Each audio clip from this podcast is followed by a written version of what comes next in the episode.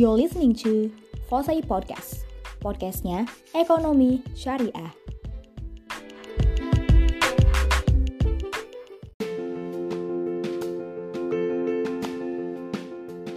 Assalamualaikum warahmatullahi wabarakatuh. Halo Sobat Ekshare, kembali lagi nih kita di Fose Podcast, podcastnya Ekonomi Syariah. Tahu nggak sih Sobat Ekshare, kalau tanggal 24 September itu merupakan Hari Tani Nasional. Untuk itu, topik spesial Fose Podcast kali ini kita akan membahas tentang ekonomi Islam dan ketahanan pangan. Sebelum itu, kenalin dulu, aku Husnul Hatimah dari Bapernas Keilmuan yang akan membersamai Sobat Ekshare dengan narasumber kita kali ini yang sangat luar biasa dan kompeten di bidangnya, yaitu Mas Muhammad Gurning selaku founder dan direktur utama Kulas Indonesia. Halo Mas, selamat sore. Sore, Assalamualaikum. Waalaikumsalam.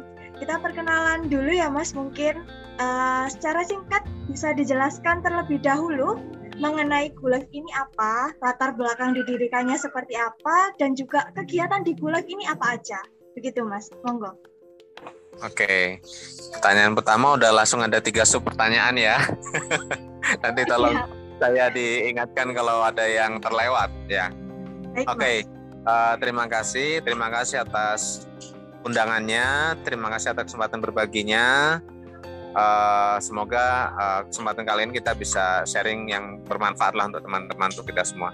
Oke, okay, GoLive Indonesia sendiri kami dirikan di tahun 2018 Ya, kalau secara legal formal memang di tanggal 25 Februari dan uh, sampai hari ini uh, kami memang masih terus bertumbuh sebagai sebuah startup. Ya. Uh, jadi kami ini startup nih ceritanya gitu kan. Uh, jadi kami saya sendiri berlatar belakang ilmu farmasi sebetulnya, tetapi memang keluarga saya adalah keluarga petani. Ya, keluarga petani yang mohon maaf memang uh, bisa dikatakan kami adalah salah satu sampel ya sampel dari yang mewakili sekitar 70% gambaran petani di Indonesia pada saat itu. Jadi di mana 70% petani di Indonesia itu mohon maaf ya sekali lagi uh, ini data dari BPS itu berada di bawah garis kemiskinan dan keluarga saya dahulu seperti itu. Dan itulah yang menjadikan dasar Eh, motivasi bagi saya dan teman-teman untuk kemudian mendirikan GoLive Indonesia atau GoLive Corporation. Karena hari ini GoLive punya beberapa anak perusahaan.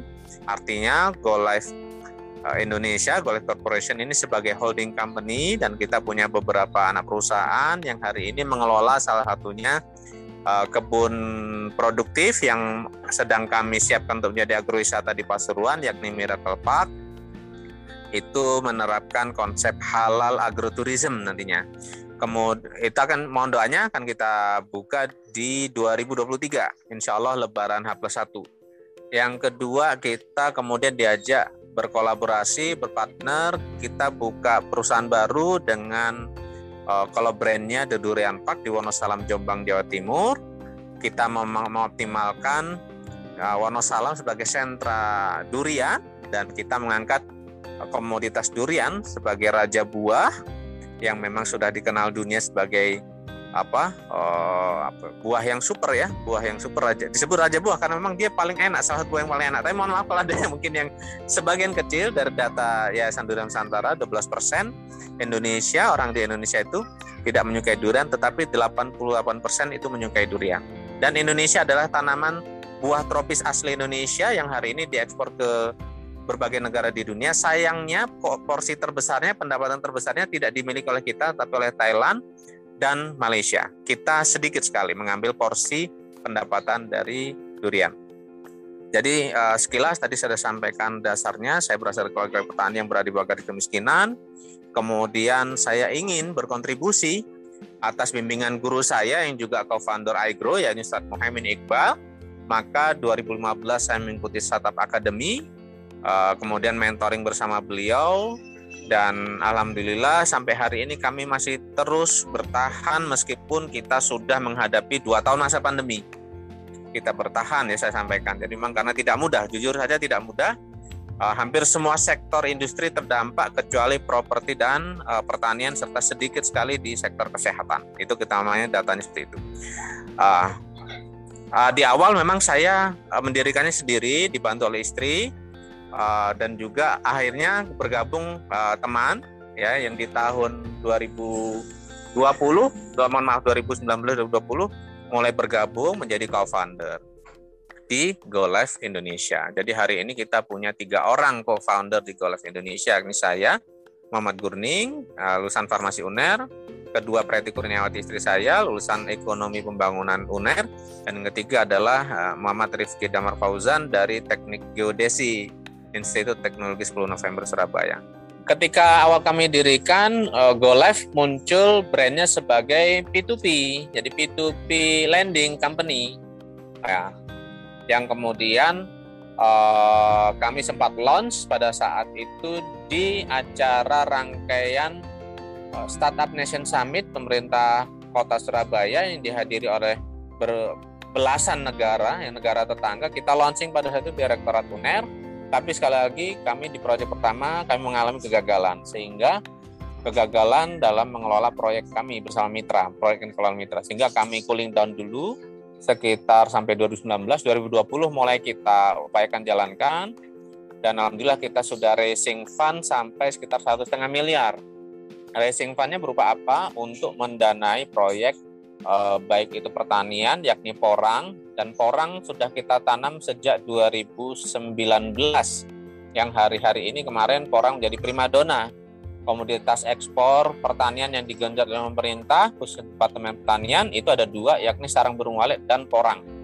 Dan meskipun hari ini banyak petani yang bersedih ya ini beginilah dinamikanya hari ini.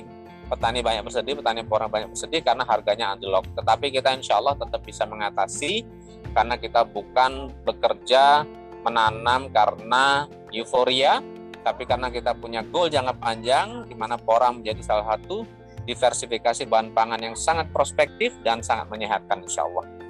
Uh, hari ini kami masih terdaftar sebagai B2B Lending Company di Asosiasi Fintech Syariah Indonesia, tetapi kami masih cooling down dan hari ini insya Allah kami juga sedang menyiapkan satu platform yang lain yakni platform berbasis wakaf yang kami sebut dengan nama Wakaf Tani yang insya Allah akan di launching pada 10 November 2021. Jadi intinya kami ingin membantu dunia pertanian khusus para petani dari sisi penyiapan modal ya penyiapan modal dan ke depan dalam jangka panjang kita membantu menyiapkan tumbuhnya korporasi-korporasi pertanian yang ini bakal digawangi oleh para agripreneur muda Indonesia. Kira-kira seperti itu yang sedang kami kerjakan di hari ini.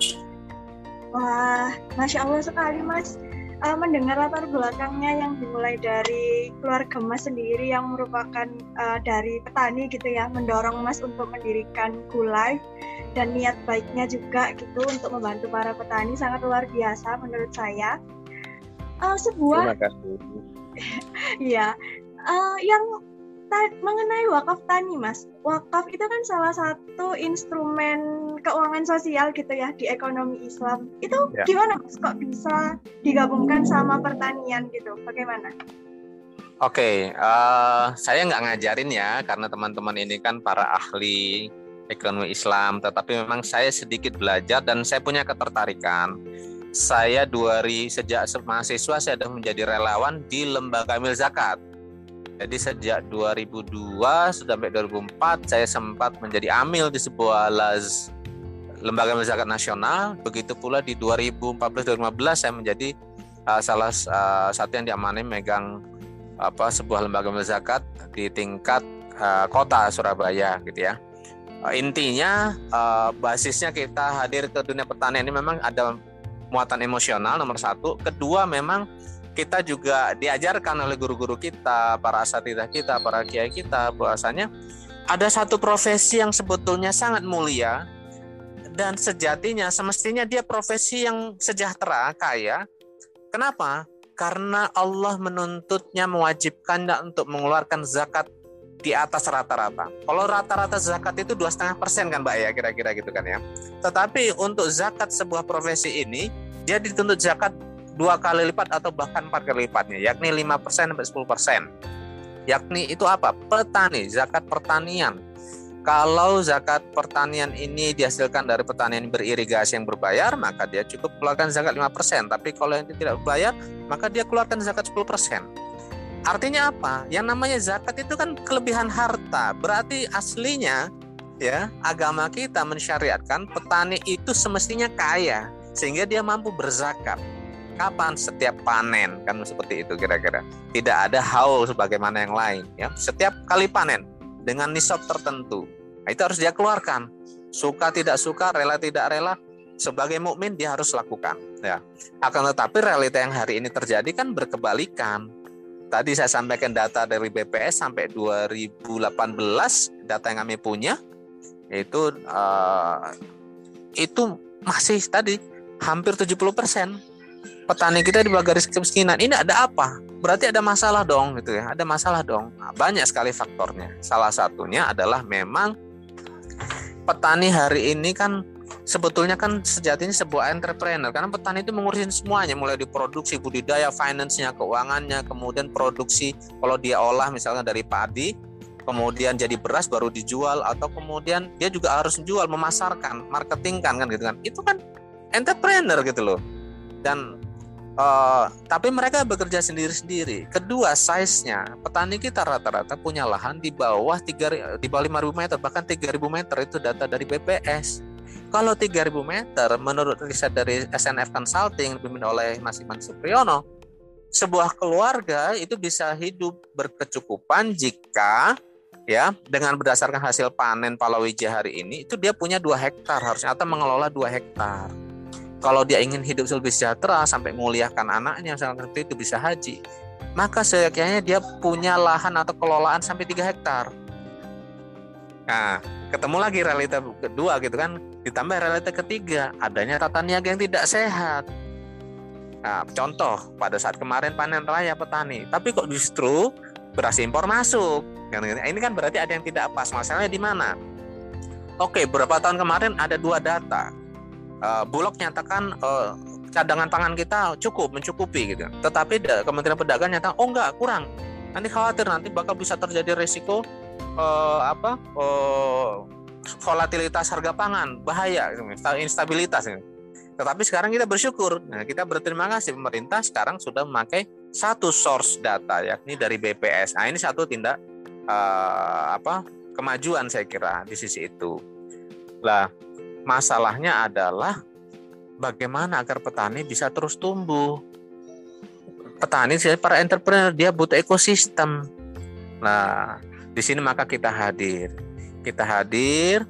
Wakaf itu salah satu kuncinya adalah bagaimana agar aset umat kan ceritanya aset pribadi di keluarkan ya eh, dititipkan di jalan Allah diamanah di jalan Allah untuk kemanfaatan seluas-luasnya agar bisa dia bertahan dipertahankan ditahan ya nilainya bahkan terus diproduktifkan ya nilainya terus tumbuh dan ada manfaatnya, ada benefitnya yang bisa dirasakan oleh masyarakat dan umat khususnya.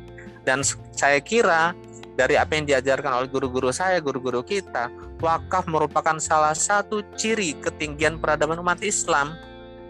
Ya. Jadi kalau hari ini alhamdulillah kita dunia perzakatan, dunia dunia dunia ini ya, dunia ya dunia perzakat, infak sedekah, dunia filantropis sudah berkembang maju, tetapi wakaf ini masih yang semestinya menjadi mahkota, menjadi salah satu ikon atau indikator kemajuan peradaban umat.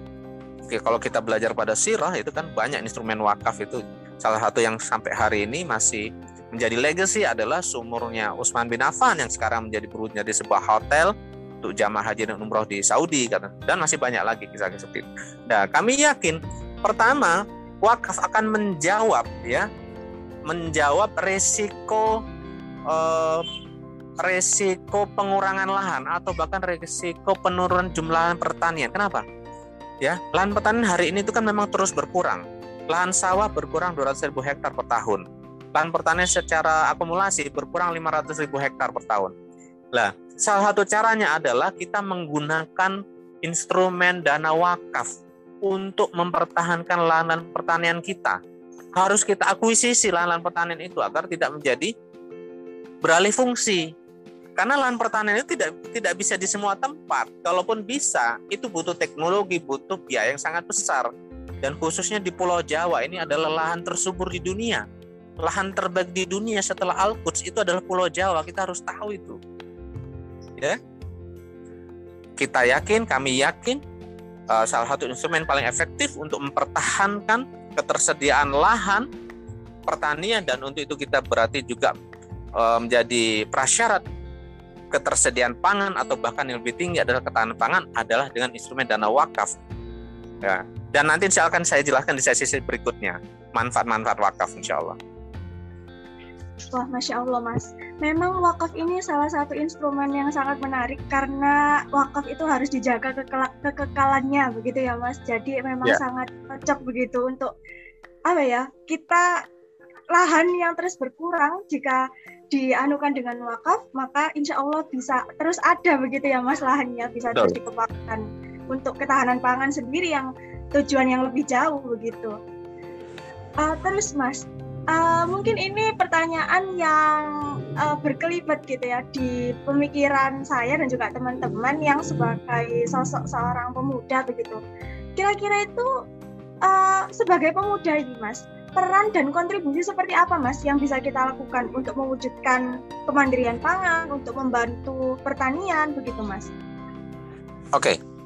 uh, saya senang sekali kalau para pemuda Mesir mulai tertarik bicara tentang ketahanan pangan.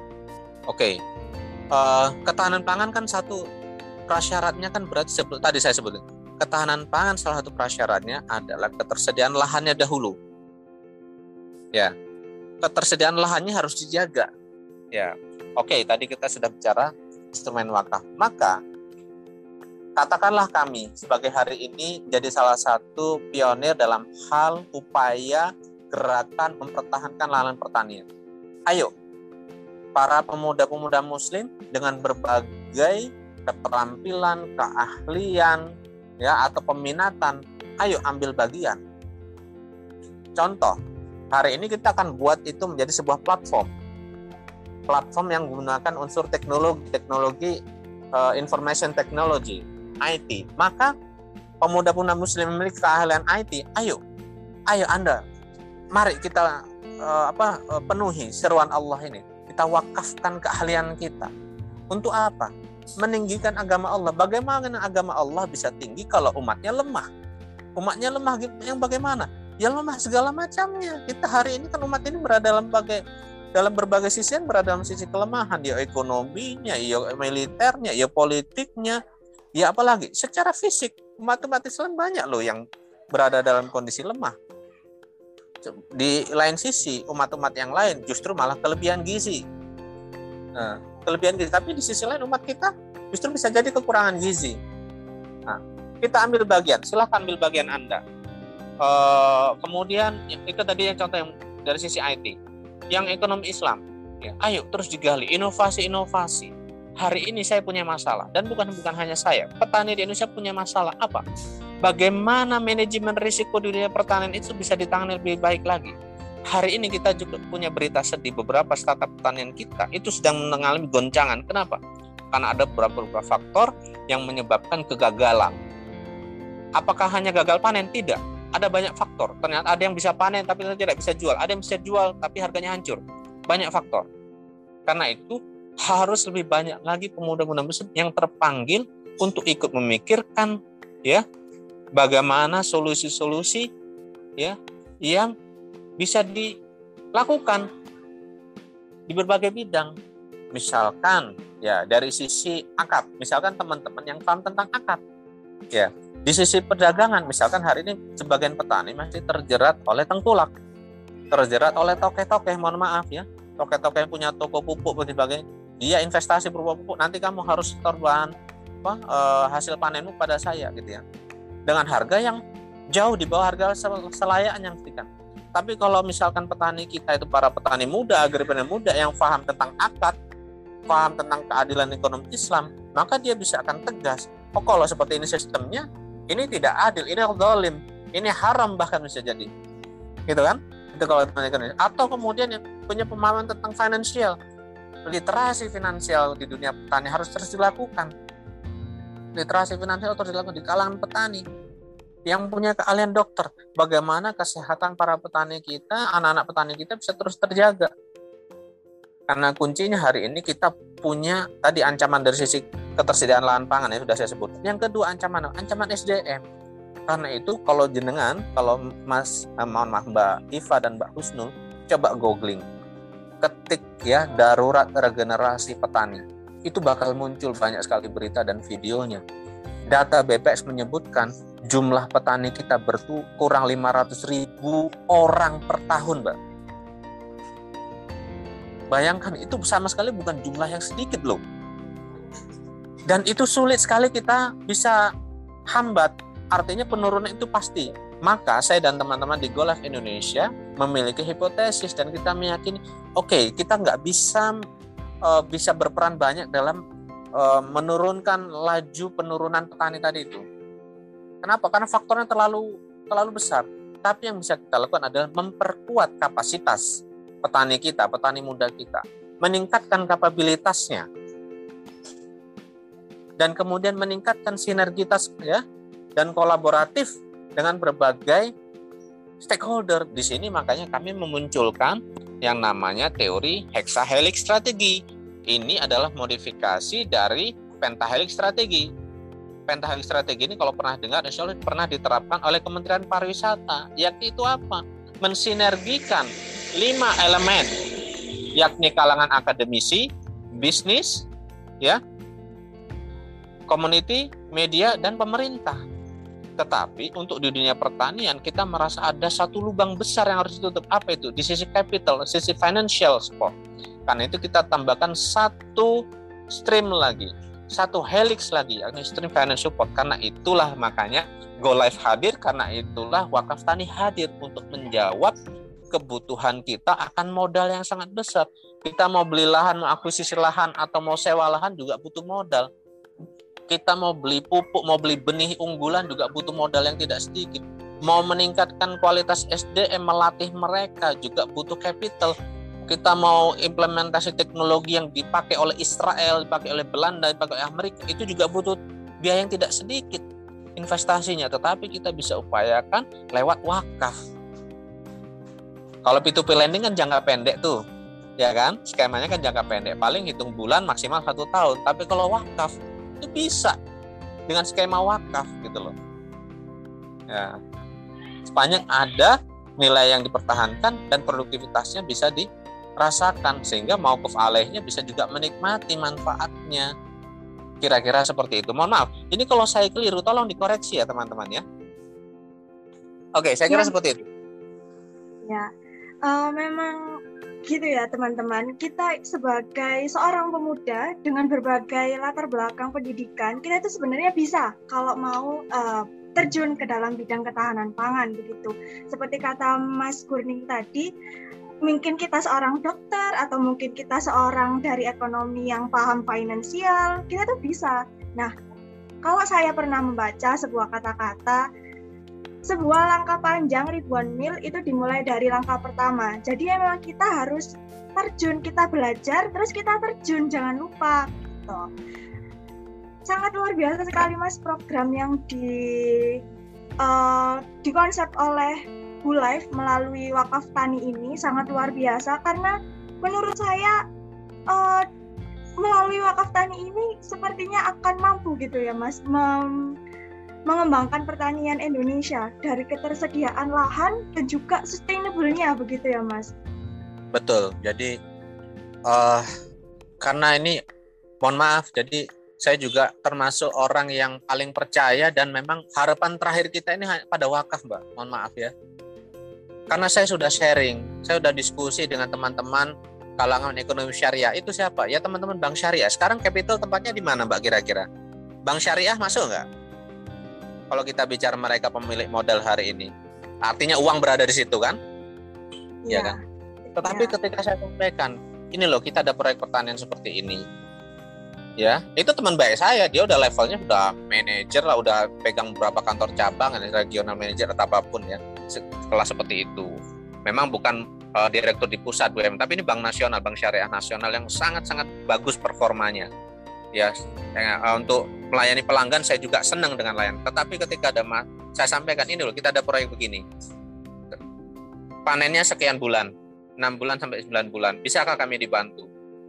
Oh mohon maaf ini kami untuk bulanannya bagaimana? Loh tadi katanya kita disuruh hijrah saya bilang begitu. Beliau minta kami loh kami sudah hijrah sejak lama sih saya sampaikan begitu. Eh, begitu ada kebutuhan di tingkat petani ternyata nggak bisa terjawab itu mbak. Apalagi investasi yang lebih besar dan lebih panjang. Ya kan? Kalau investasi yang lebih besar kan butuh waktu pengembalian lebih panjang juga toh gitu kan. Uh, hari ini ya dunia perbankan syariah belum bisa menjawab itu. Gitu loh. Dan kami yakin bahwa pilihan terbaik adalah kembali kepada wakaf saya kira ya dan mohon doanya karena insya Allah alhamdulillah kabar baiknya uh, kami kemarin sudah mengurus sertifikasi atau lisensi untuk nadir wakaf uang dari Badan Wakaf Indonesia dan secara lisan dan uh, teks sudah disebutkan bahwa insya Allah lisensi sudah turun untuk wakaf tani, untuk wakaf uang, dan kemudian tinggal uh, menunggu sertif pengiriman sertifikat secara fisik. Akan tapi kita akan launch secara resmi di 10 November bertepatan dengan Hari Pahlawan karena uh, para petani itu adalah para pahlawan kita dan siapakah petani itu? Petani itu adalah bukan mereka. Petani itu adalah Anda, saya, dan kita semua. Nah, itu yang sedang kita ingin gaungkan. Agar apa? Agar ketahanan pangan kita, ketersediaan air kita, dan energi terbarukan kita itu dapat terjaga. Kuncinya adalah pada dunia pertanian ini harus kita yang mengendalikan. Jangan biarkan ya bahan pangan kita, ya sumber air kita yang itu dipengaruhi oleh tanaman kita dan juga energi terbarukan. Sampai kapan kita mengandalkan energi fosil, sedangkan energi terbarukan berbasis green energy dari tanaman yang khusus ditanam untuk sumber energi itu bisa ya diimplementasikan tinggal keberpihakan saja ya tinggal menunggu momentum keberpihakan dari pemerintah utamanya ya akan ada momentum itu energi terbarukan renewable energy dari tanaman ya yang kita tanam. Itulah kuncinya. Baik, Mas. Masya Allah sekali. Semoga wakaf tani ini di tanggal sampai tanggal 10 November nanti bisa lancar gitu prosesnya. Mungkin uh, karena keterbatasan waktu juga nih, Mas. Uh, sebenarnya pembahasan ini sangat menarik begitu ya, ekonomi Islam dan juga ketahanan pangan. Tapi emang tak terasa waktunya juga berlalu cukup cepat gitu. Mungkin Mas Gurning nih uh, bisa memberikan sebuah closing statement gitu untuk sobat Ekshar yang mendengarkan podcast kali ini, begitu Mas. Uh, sebuah closing statement dari Mas. Oke, saya hanya ingin mengajak ya kepada semua pendengar, khususnya teman-teman dari FOSE untuk ayo kita turun. Ya bergeraklah di sektor real. Ya di sektor real jangan hanya di sektor finansial saja. Ya Anda ini adalah peluang Anda. Masa depan bangsa masa depan umat ini tergantung pada Anda. Bukan saya saja tapi pada Anda semua yang hari ini uh, mendengarkan rekaman kita ini. Ya. Kehadiran kita dibutuhkan di lapangan. Kehadiran orang-orang cerdas, cendekiawan, yang beriman, berakhlak seperti Anda dibutuhkan hadir di lapangan, di kebun-kebun kita, di sawah-sawah kita, ya di lahan-lahan peternakan kita, sehingga umat ini mendapatkan ya jaminan ketersediaan pangan yang memenuhi kategori halalan tayyiban. Dan kami tambahkan halalan tayyiban dan bernutrisi tinggi. Indonesia dititipi amanah oleh Allah ya dan diharapkan oleh para ulama dari berbagai belahan dunia Indonesia layak menjadi negeri baldatun thayyibatun ghafur. Tetapi bagaimana bisa itu terjadi kalau sumber pangannya tidak terjaga? Kualitasnya, kehalalannya, kesehatan gizinya ya. Hari ini ya, ini merupakan perjuangan kita bersama. Dan kita membutuhkan kita memanggil ya kita memanggil pemuda-pemuda muslim khususnya yang memahami spirit ekonomi Islam. Dengan Islamlah umat ini selamat dengan Islamlah dunia ini selamat. Mari kita kembali kepada Islam dan ekonomi Islam ini kita bumikan dalam segala aspek kehidupan. Dan masih banyak problem yang terjadi hari ini. Saya menitipkan sebuah amanah kepada teman-teman khususnya di FOSE untuk sama-sama ikut memikirkan bagaimana agar kita bisa memiliki satu sistem manajemen risiko yang lebih baik daripada sebelumnya, khususnya di bidang pertanian yang hari ini, mohon maaf, masih banyak belum terpecahkan kecuali hanya di beberapa komoditas saja. Ya, ini betul-betul kebutuhan real hari ini di petani dan hari ini mohon maaf teman-teman kita yang bergerak menjadi agripreneur juga sebagiannya sudah menjadi korban ya karena sistem manajemen risiko yang belum uh, komprehensif disiapkan. Kita butuh terobosan-terobosan inovasi yang tidak hanya ya tidak hanya berbasis kepada uh, hukum saja, tapi kita juga pertimbangkan moral dan etika serta akhlak itu yang kita harapkan. Uh, saya tidak berniat menggurui teman-teman, tapi saya sangat senang diberi kesempatan untuk bisa berbagi pada kesempatan sore kali ini dan saya menunggu kesempatan untuk bersama dan saya mengundang teman-teman Fose di mana pun berada untuk nanti insya Allah ikut hadir dalam acara uh, launching kita. Nah, insya Allah dilakukan secara apa uh, online ya di 10 November 2021. Sukses untuk teman-teman Jose, agendanya di mana pun berada. Dan salam dari kami, salam dari kami, saya Muhammad Kurning dari Go Live Indonesia. Terima kasih atas yang diberikan. Mohon maaf jika ada hal-hal yang kurang berkenan. Ya, Assalamualaikum warahmatullahi wabarakatuh. Waalaikumsalam warahmatullahi wabarakatuh. Kita, insya Allah mas, kita kalau diberikan undangan ya kita juga bakal hadir sangat senang begitu bisa menghadiri sebuah launching wakaf tani nantinya. Terima kasih kepada Mas Gurning atas waktu yang diberikan. Terima kasih juga untuk sobat Ekshare yang telah mendengarkan episode podcast kali ini sampai akhir. Semoga semua apa yang kita bicarakan hari ini, kita diskusikan hari ini dapat bermanfaat. Sampai jumpa di Pose Podcast selanjutnya. Wassalamualaikum warahmatullahi wabarakatuh.